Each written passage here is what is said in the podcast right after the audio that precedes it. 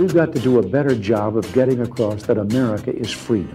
Freedom is special and rare. It's the idea held by generations of citizens who believe that America is a constant work in progress. We choose to go to the moon in this decade and do the other thing, not because they are easy, but because they are hard. And it's the people who are making America great again. We may be opponents, but we're not enemies.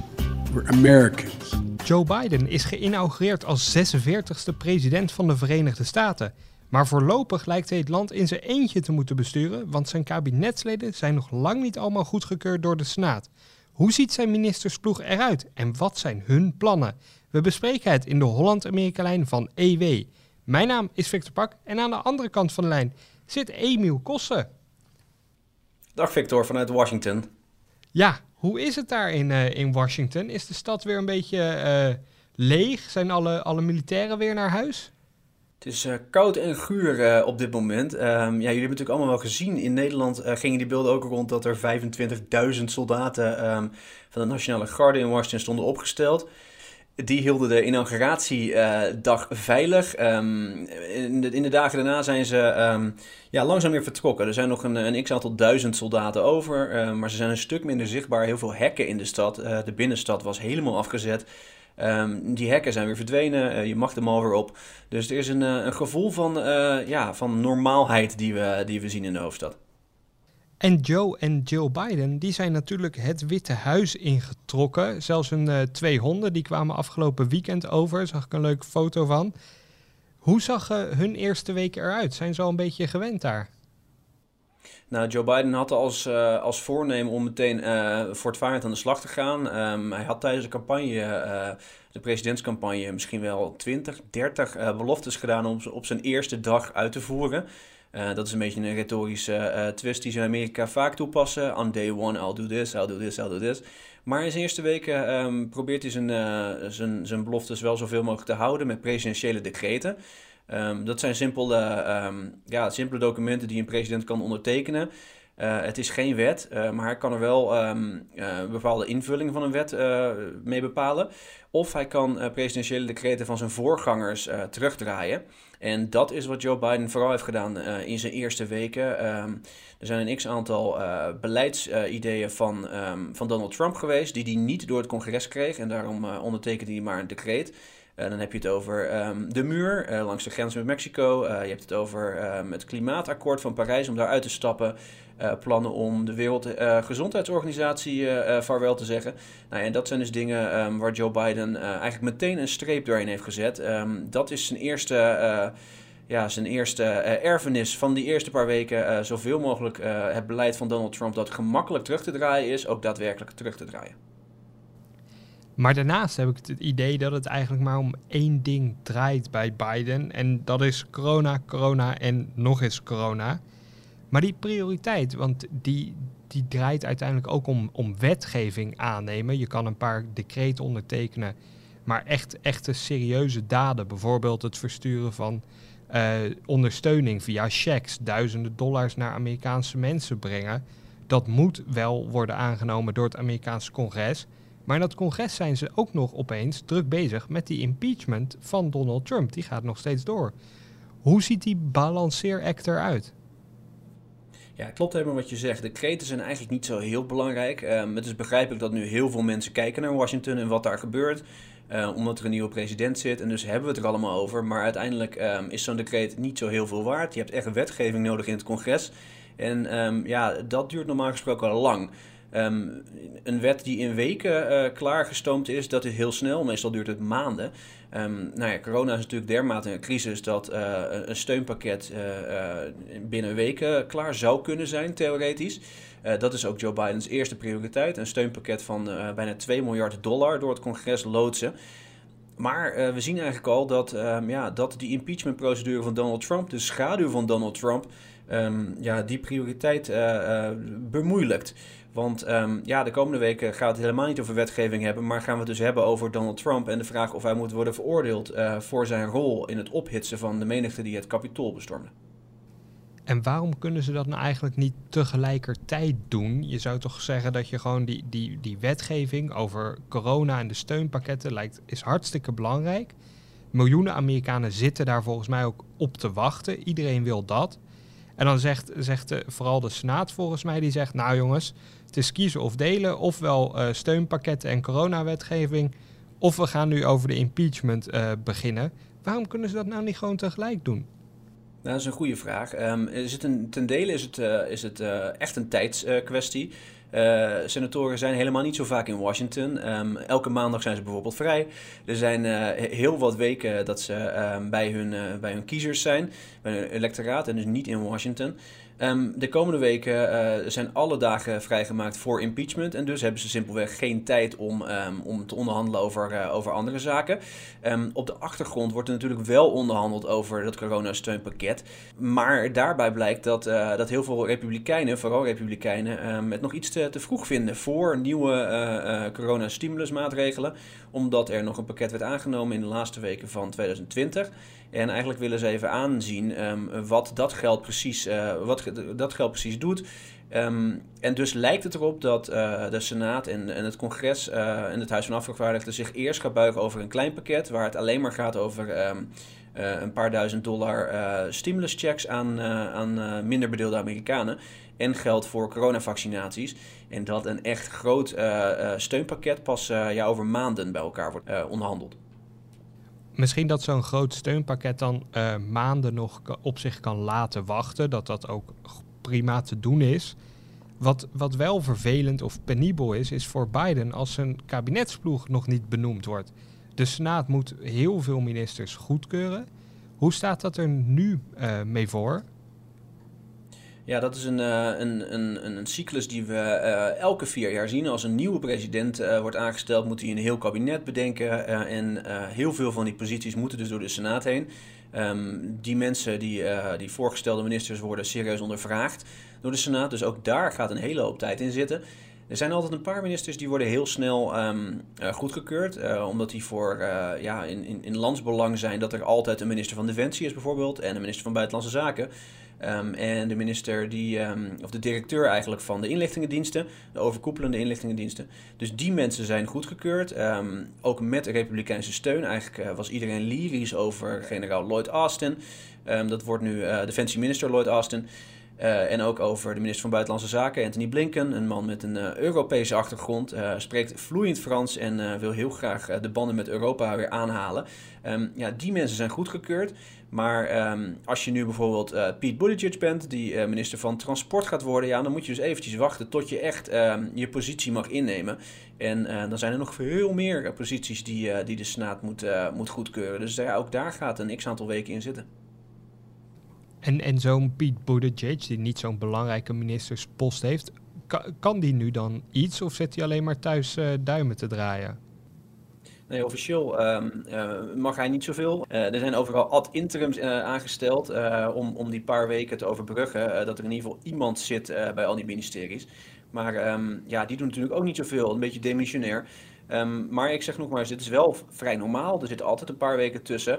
En het is afwachten of, um, ja, of die nadruk op de impeachmentprocedure ook nog eens alle tijd hier vandaan haalt. Ik denk dat ze die twee uh, klussen op zich nog wel kunnen combineren. Dus en um, die ministers zo snel mogelijk goedkeuren, zolang ze natuurlijk geschikt zijn. Want let wel, er zijn ook ministers tussen waar, waar serieuze vragen over bestaan. En, en ja, de Senaat is ervoor om, uh, om, die, uh, om die te onderzoeken. En ook de impeachmentprocedure voor te zetten.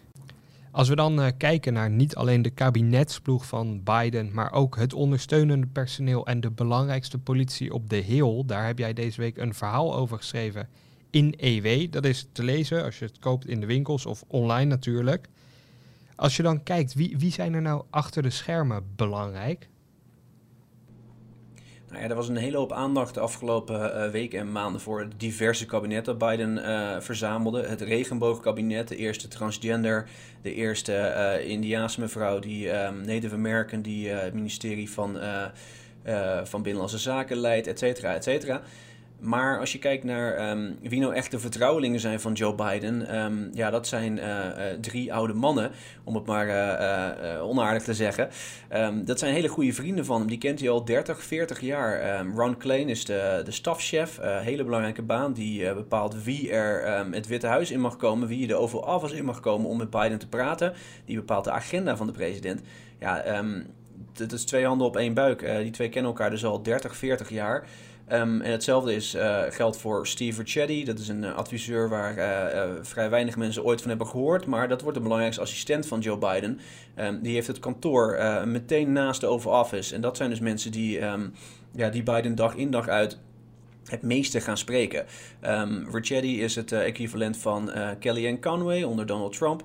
Um, dus dan kan je wel zien dat is een belangrijk figuur. Alleen zal Ricchetti waarschijnlijk een stuk minder in de media uh, naar voren komen. Um, omdat het uh, simpelweg een, eh, een meer privé persoon is. Uh, en dan heb je nog Danalan, um, dat is een derde belangrijke adjudant van, van Joe Biden.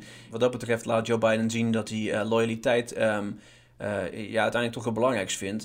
hij geeft al die ministerposten wel weg aan, ja, aan, aan, aan, aan politiek diverse uh, figuren, maar uh, echt dicht bij hem zitten gewoon mensen die hij al jaren kent. En die mensen, zoals zo'n uh, of zo'n Donnellan, dat zijn mensen die, die wij eigenlijk helemaal niet kennen. En jij zegt nu eigenlijk, zoals ik je zo tussen de regels beluister, dat die misschien wel belangrijker zijn dan uh, menig kabinetsfunctionaris. Ja, zo werkt het natuurlijk wel vaak in de politiek dat er uh, achter de schermen uh, veel meer gebeurt dan de retoriek die we uh, ja, die we in real life zien. Um, een speech van de minister is, uh, is, uh, is misschien helemaal niet zo interessant meer. In het Trump-tijdperk misschien, omdat we dan altijd weer moesten afwachten of Donald Trump boos zou reageren. Maar normaal gesproken ja, speelt een hoop van de politiek zich af achter de schermen.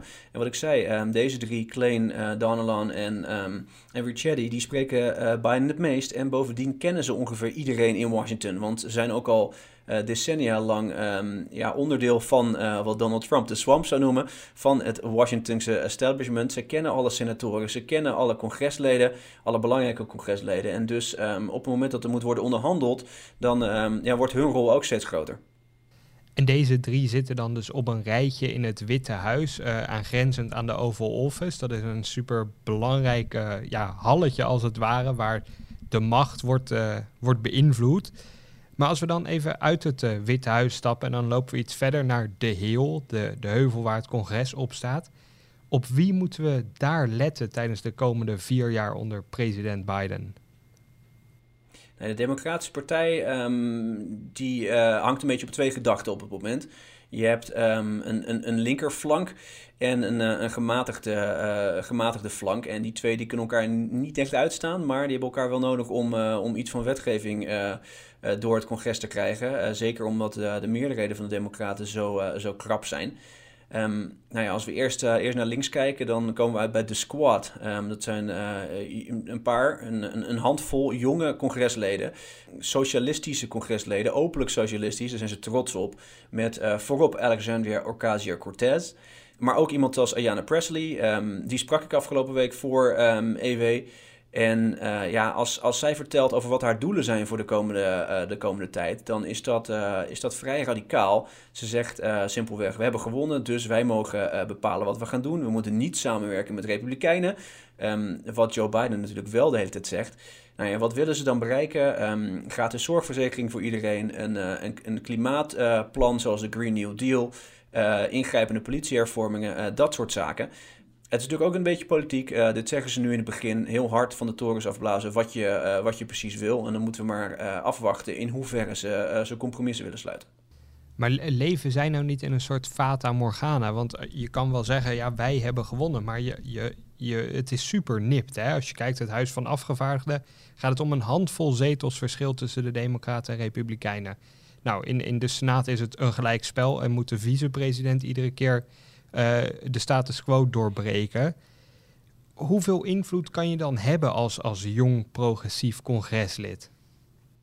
Nou ja, um, ze hebben veel invloed, uh, vooral op het bespelen van de publieke opinie. Um, al die congresleden zijn, um, zijn slim met sociale media, zijn slim met, uh, met gevestigde media, krijgen heel veel aandacht voor hun plannen. En er zijn een flink aantal Amerikanen die ook hun, hun, hun plannen steunen. Maar zoals je zegt, um, het is maar een deel van de Democratische Partij. Het zijn er maar een paar eigenlijk, die, um, die echt uh, een beetje uh, aan de kant van Bernie Sanders zitten. Net zo groot, uh, tenminste zo groot, is de, de gematigde zijde van de Democratische Partij.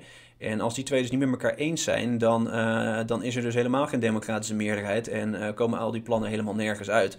Dus ehm, ja, die retoriek is leuk, maar de politieke realiteit is inderdaad wel een stuk lastiger. En die gematigde democraten, dan denk ik meteen aan Joe Manchin, de senator uit West Virginia. Heeft hij ook zo'n, heeft hij zijn eigen squad eigenlijk verzameld? Of is hij, is hij een, een, een eenzame strijder daar? Nou ja, hij is een eenzame strijder als in dat er niet zo heel veel conservatieve democraten meer over zijn. Um, hij is er dus wel eentje, uh, zoals je zei, uit West Virginia. Um, dat is een van de meest conservatieve staten van het land. Donald Trump uh, won daar met 70% van de stemmen, 65% van de stemmen in 2020. Um, ehm, en hij moet dat een beetje zien te, uh, te balanceren. Dus zijn kiezers zijn vrij, vrij rechts. En dat zie je dus ook. hij stemde heel vaak met plannen van Donald Trump in. En nu is hij een, uh, ja, een sleutelzetel. Want er zijn maar 50 zetels uh, in handen van de Democraten. En als hij tegenstemt, dan, uh, dan, dan vallen heel veel plannen dus in het niet. Dat heeft hij ook al beloofd. Hij zei: We gaan van Amerika geen socialistische staat maken. We gaan de politie niet opheffen, et cetera, et cetera. Ja, jij vroeg: Is hij alleen? Nee, um, er zijn een, een handvol gematigde Democraten en Republikeinen. die in, ieder geval op dit moment de handen in slaan. Um, en die dus zeggen, uh, wij gaan samen proberen om, uh, om wetgeving uh, vorm te geven. die dan ook nog eens 60 zetels in de Senaat zou kunnen verzamelen. Dat is belangrijk, want een hele hoop belangrijke wetten in de Senaat hebben niet 50 zetels, dus niet de meerderheid nodig, 50 plus 1, maar 60 stemmen nodig. En degene die die stemmen uiteindelijk moet verzamelen is niet alleen Joe Biden, maar toch vooral Chuck Schumer, de Democratische Senaatsleider uit New York afkomstig. Jij omschreef hem als een, uh, als een echt politiek dier in EW. Waar blijkt dat uit? Nou, hij heeft eigenlijk niks anders gedaan dan de politiek. Um, kwam, uh, in zijn twintiger jaren kwam hij in het Huis van Afgevaardigden. Um, ergens in zijn veertiger jaren werd hij senator. Uh, ja, die heeft niks anders gedaan dan het politieke spel spelen. Um, daar was hij goed in. Mensen vinden hem vaak aardig. Mensen zeggen wel dat hij nogal aandachtsbelust is. Eh, hij was eigenlijk vrienden met Donald Trump, heeft, dat, uh, heeft die vriendschap afgebroken de afgelopen jaren. Um, en uh, ja, laat zich nu wat zien, meer zien van zijn linker, linkerzijde.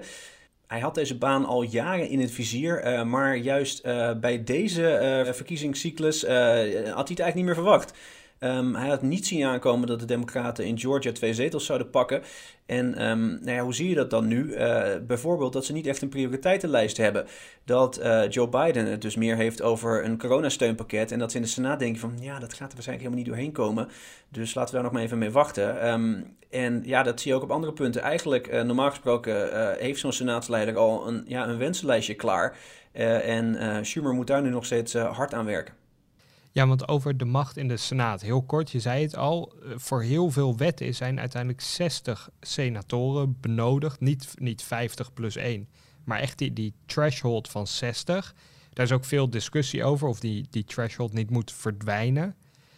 Hoe, hoe realistisch is het dat er, dat er serieuze wetgeving wordt aangenomen als die, die regel van, van minimaal 60 senatoren voor een wetsvoorstel in stand blijft? Ja, dat is heel lastig. Um, op het moment um, is er niet heel veel wetgeving die, uh, die zomaar 60 uh, eh, stemmen bij elkaar uh, zou krijgen.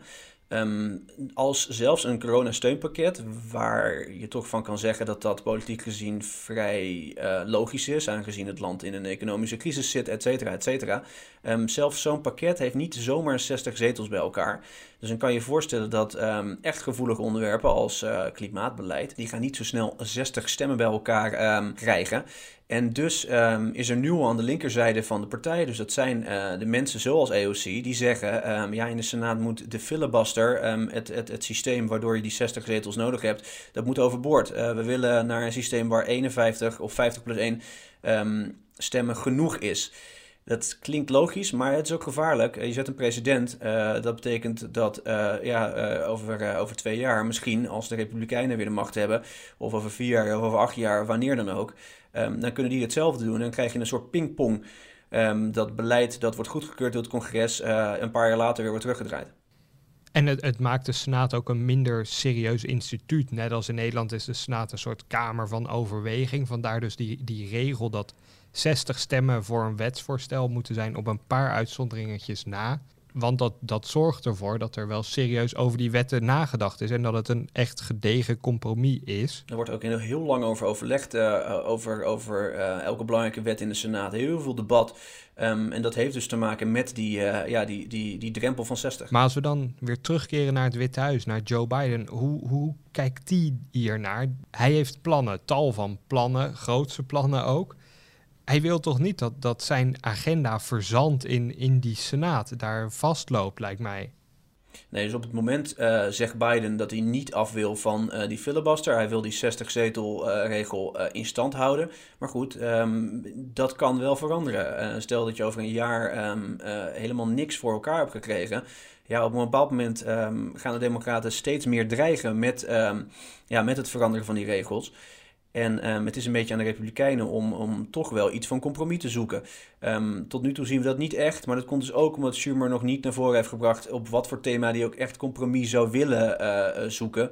Want er zijn wel onderwerpen te bedenken um, waar Democraten en Republikeinen samen kunnen komen.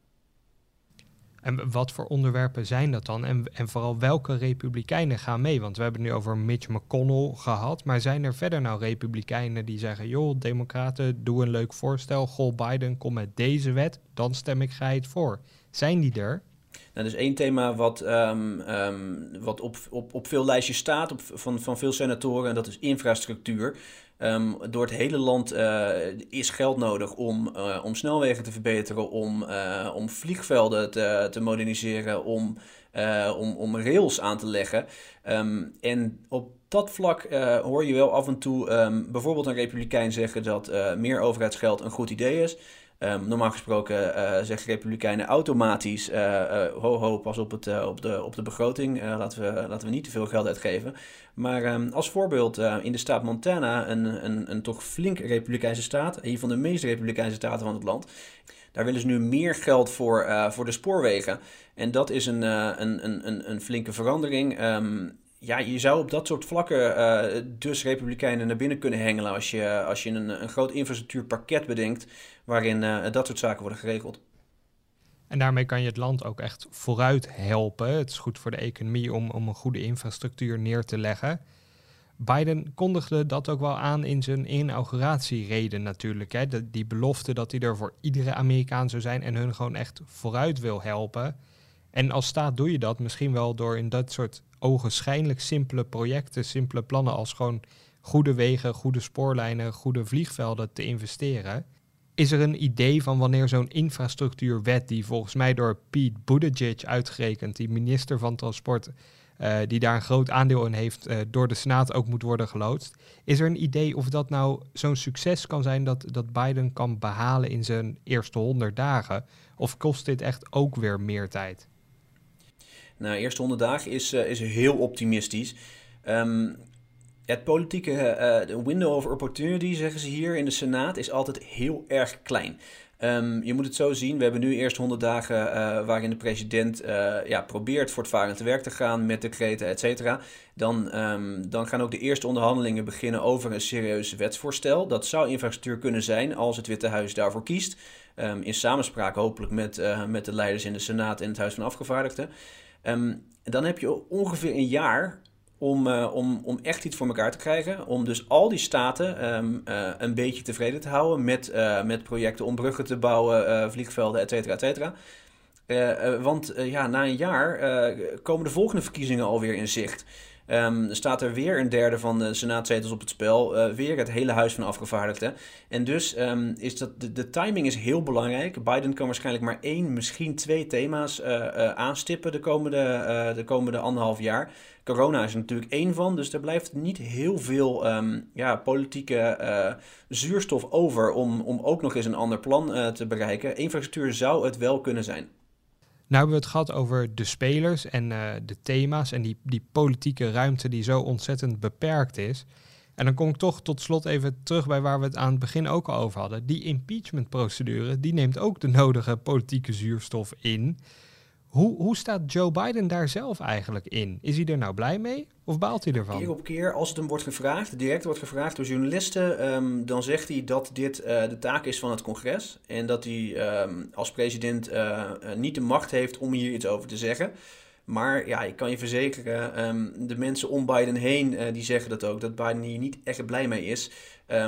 Hij, snapt, hij snapt natuurlijk waarom het gebeurt, waarom Donald Trump misschien alsnog wordt veroordeeld nadat hij, nadat hij verdwenen is van het toneel. Maar politiek gezien is het onhandig, want het kost veel tijd. Um, en Republikeinen die, die staan voor een lastige keuze. Het lijkt er steeds meer op dat de Republikeinen Trump gewoon gaan vrijspreken. Um, en dat zorgt dus eigenlijk al voor verdeeldheid in de eerste weken van Joe Biden's uh, administratie, zijn regering. En dat is vervelend, want uh, ja, we hebben natuurlijk allemaal die inaugurele reden gehoord. Joe Biden wil samenwerken, um, wil de temperatuur verlagen van het debat. En um, ja, een impeachmentprocedure waar, uh, waar het gaat over een, uh, een, een opstand aangedreven door de president. Maar dat alsnog die president niet wordt veroordeeld, um, ja, dat gaat die temperatuur niet verlagen. Uh, het worden de komende weken, ik denk, alleen maar verhitte debatten. Die impeachmentprocedure gaat op 8 februari verder. In diezelfde week zijn wij ook weer terug met een nieuwe aflevering van de Holland-Amerika-lijn van EW. Hartelijk dank voor het luisteren naar deze aflevering en graag tot dan.